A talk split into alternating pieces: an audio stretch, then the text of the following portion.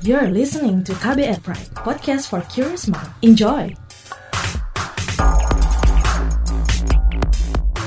Debat Sebat Kalau ngomongin rokok, pasti juga ngomongin petani tembakaunya. Nah, di sini Indra dan Naomi ribut soal kesejahteraan petani tembakau itu. Kata Indra, saat ini petani tembakau itu sejahtera, sementara kata Naomi, menjadi petani tembakau itu sengsara. Aduh, mana sih yang benar? Ya udah, kita dengerin aja debat sebat ronde 6 episode Petani Tembakau. Untung atau buntung ya?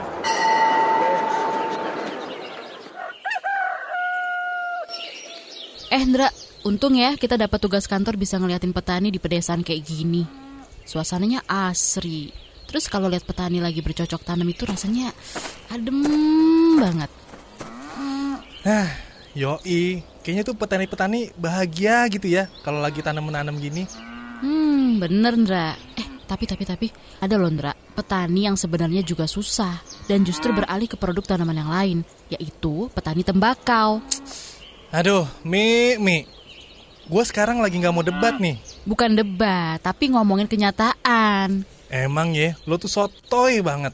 Ingat, rokok itu jadi salah satu produk terlaris di Indonesia setelah sembako. Nah, faktanya, rokok menjadi komoditas yang menyumbang terbesar kedua terhadap garis kemiskinan. BPS, Badan Pusat Statistik aja merinci, belanja merokok itu kasih andil terhadap kemiskinan sebesar 12 persen di perkotaan dan 11 persen di perdesaan. Nah, masyarakat kenyataannya lebih memilih beli rokok ketimbang beli makanan bergizi, Ndra. Walaupun rokok laris, tapi petaninya nangis, cuy. Bentar deh, gua mau dengerin penjelasan dari peneliti persoalan petani tembakau dari Pusat Kajian Jaminan Sosial Universitas Indonesia atau PKJSUI, Suci Puspita Ratih.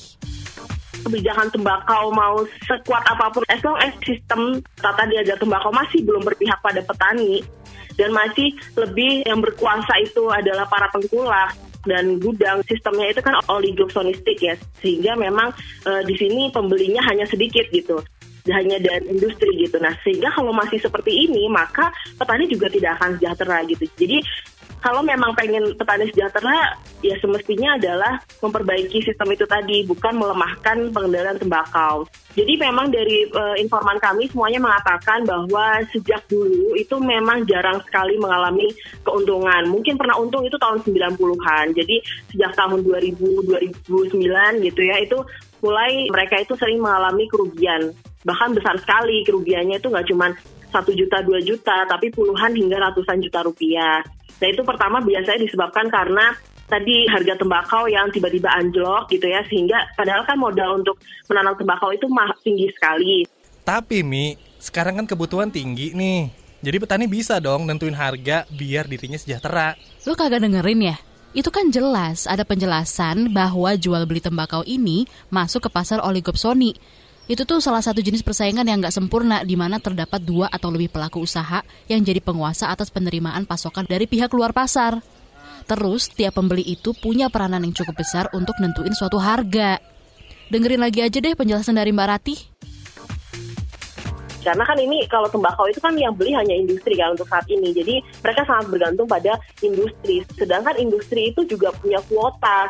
Tidak semua tembakau dari petani itu bisa diserap gitu loh. Paling cuma banyak beberapa aja. Jadi petani-petani yang lain itu ya mereka mau menjual ke mana gitu loh. Bingung gitu. Kalau jadi kalau misalnya bicara pangsa pasar sebetulnya tembakau ini juga sama. Pangsa pasarnya juga mungkin terkadang ada kesulitan. Tapi yang yang yang mereka yakini itu bahwa tembakau itu pasti ada yang beli meskipun harganya murah.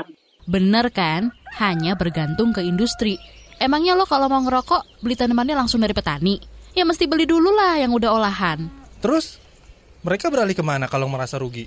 Banyak dong, kayak cabe, terus jagung. Tapi memang nggak bisa serta-merta mereka langsung untung. Nah kan, percuma beralih. Bukan gitu, kan semua butuh proses. Yang penting tuh niatnya dong. Dan menurut penjelasan petani ke Mbak Rati, kayaknya memang ada permainan harga deh.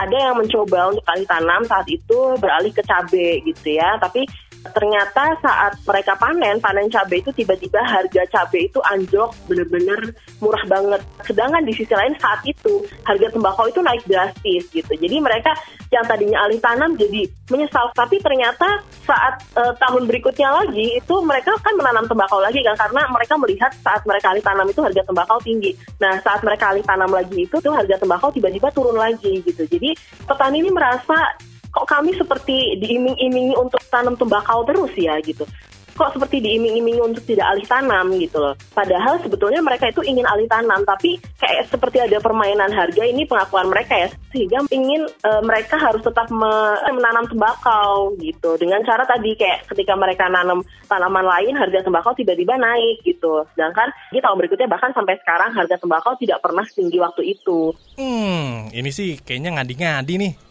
Sekarang ini ya, yang namanya pasar itu tergantung permintaan cuy. Kalau permintaan lagi tinggi, ya harganya juga naik. Kalau permintaan rendah, ya harganya juga rendah. Tapi kata lo tadi permintaan rokok kan tinggi terus. Jadi ya harusnya petani tembakau sukses dong. Tapi memang sih sekarang petani tembakau itu memang mulai beralih walaupun gak 100%. Ini nih penjelasan Mas Jai dari Social Movement Institute. Dia tuh pernah mendampingi petani tembakau di Temanggung, Jawa Tengah yang beralih ke komoditas lain sepengamatan kami setelah kemudian kami mendampingi petani tembakau di salah satu dusun yaitu dusun Jambon desa Gendirunjo Temanggung. Itu kami live in di sana intens berinteraksi berkomunikasi dengan masyarakat di dusun Jambon tersebut di Temanggung di uh, kurang lebih pada pertengahan tahun 2019 sampai akhir tahun 2019 dan uh, kami melihat bahwa petani tembakau khususnya itu yang beralih tanam itu kalau bisa dikatakan ya cukup banyak sekali gitu. Kalau bisa dikatakan dalam presentase persenan mungkin ada 60 persen masyarakat di dusun Jambon di Temanggung itu yang sudah beralih tanam menanam komoditas lain. Aduh, gue bingung dah. Kenapa ya mereka beralih? Bukannya lebih enak ngurusin tembakau? Bukan masalah enak atau enggaknya kalau ngomongin tembakau, bos. Tapi gimana keadilan itu terwujud? Ya, mereka mungkin dirugiin dan nggak mendapat keadilan. Karena pemerintah tuh sebenarnya punya skema yang memang diniatin untuk meningkatkan kesejahteraan petani tembakau. Namanya DBHCHT atau Dana Bagi Hasil Cukai Hasil Tembakau. Aturannya itu 60% kembali ke petani. Tapi nyatanya, zong. Contoh nih ya, di Lombok Tengah, NTB, petani itu cuma dapat kurang dari 20% bos. Memang faktor terbesar bagaimana kemudian petani tembakau itu beralih tanam komoditas lain memang karena faktor ekonomi, tapi juga ada juga faktor-faktor lain yang kemudian menyebabkan petani itu berpindah atau beralih tanam ke komoditas lain. Nah, salah satu faktornya adalah uh, faktor teologis. Kebetulan ada banyak sekali petani tembakau di salah satu dusun tadi, dusun Jambon di Desa Gendurujo Temanggung yang kami damping itu uh, merasa bahwa selama ini dia menanam tembakau itu dalam tanda kutip kalau istilah atau dimensi teologisnya itu tidak memberikan barokah gitu. Bahasa agamanya kira-kira begitulah. Jadi banyak sekali bahasa agamanya mudorotnya banyak sekali hal-hal negatif gitu ya. Dia cara dijalankan menanam tembakau, tembakonya buat merokok gitu ya, dan itu menyebabkan penyakit dan mereka sebetulnya itu sadar gitu ya. Agak barokah cuy, jelas kan? Alah, itu mah sugesti doang. Kalau emang lagi untung ya untungnya gede, Mi. Nih, petani-petani yang pernah gue cek ngobrol, kadang bisa langsung beli mobil angkut tanaman, terus bisa naik haji. Wah, pokoknya parah, kaya banget. Iya, itu kalau untung. Tapi ingat, banyak buntungnya kan? Aduh, Mi, Mi. Nyangkal mulu. Lo ngomongin soal petani, tapi nggak ada penjelasan petaninya. Bentar, gue kemarin dengerin penjelasan petani di programnya KBR. Bentar ya. Nih, dengerin aja penjelasan Iya. Dia tuh petani swadaya yang nggak bermitra dengan perusahaan rokok dari Lombok NTB. Pernah kita dapat harga tinggi, apalagi tahun 2010 itu pun, aduh, anjlok sekali dia punya harga sampai saat ini. Seperti kemarin aja 2 juta setengah paling tinggi, kadang-kadang ke 7 juta. Pertimbang, ya. Seperti kemarin aja kita beli di sini tahun eh, pertama, ada yang 600, ada yang 1 juta. Pemetaan kedua, ada yang satu setengah sampai 2 juta paling tinggi. Mentok sudah sampai di situ harganya. Mau lagi? Ada nih penjelasan dari bekas petani tembakau Jopi Andriani. Jopi jelasin, kalau nanam tembakau itu kayak ngadu nasib. Seperti orang main lotre jadinya. Ya kalau lagi beruntung ya beruntung. Kalau lagi lagi buntung ya buntung. Nah di petani tembakau ini kan ada simbolis yang paling sering digaungkan. Ada 3 M itu mbak. Yang pertama Mekah kalau untung ya. Yang kedua Malaysia kalau rugi. Yang ketiga mati kalau naas mbak. Karena rata-rata petani tembakau ini kan dia agak sedikit ekstrim cara menanamnya mbak. Ada pengusaha tembakau salah satu contoh di tahun 2010 sampai dia memasukkan dirinya itu ke dalam obat. Dan bukan hanya satu atau dua itu. Udah Landra, tobat deh lo dari ngerokok dan mulai bantu petani untuk sejahtera lewat jalur non tembakau. Lo kan juga lulusan pertanian, harusnya bisa dong lebih memberdayain petani. Aduh Mi, Mi, susah Mi petani di sini. Udah paling benar tuh kalau ada komunitas khusus tertentu kayak gini, harusnya tuh didukung, bukan disalah-salahin. Gue kagak nyalahin coy, gue tuh ngasih tahu aja biar lebih sejahtera tuh petani. Rokok laris nggak menjamin petani bahagia. Yang pasti bahagia itu ya industri rokoknya lah.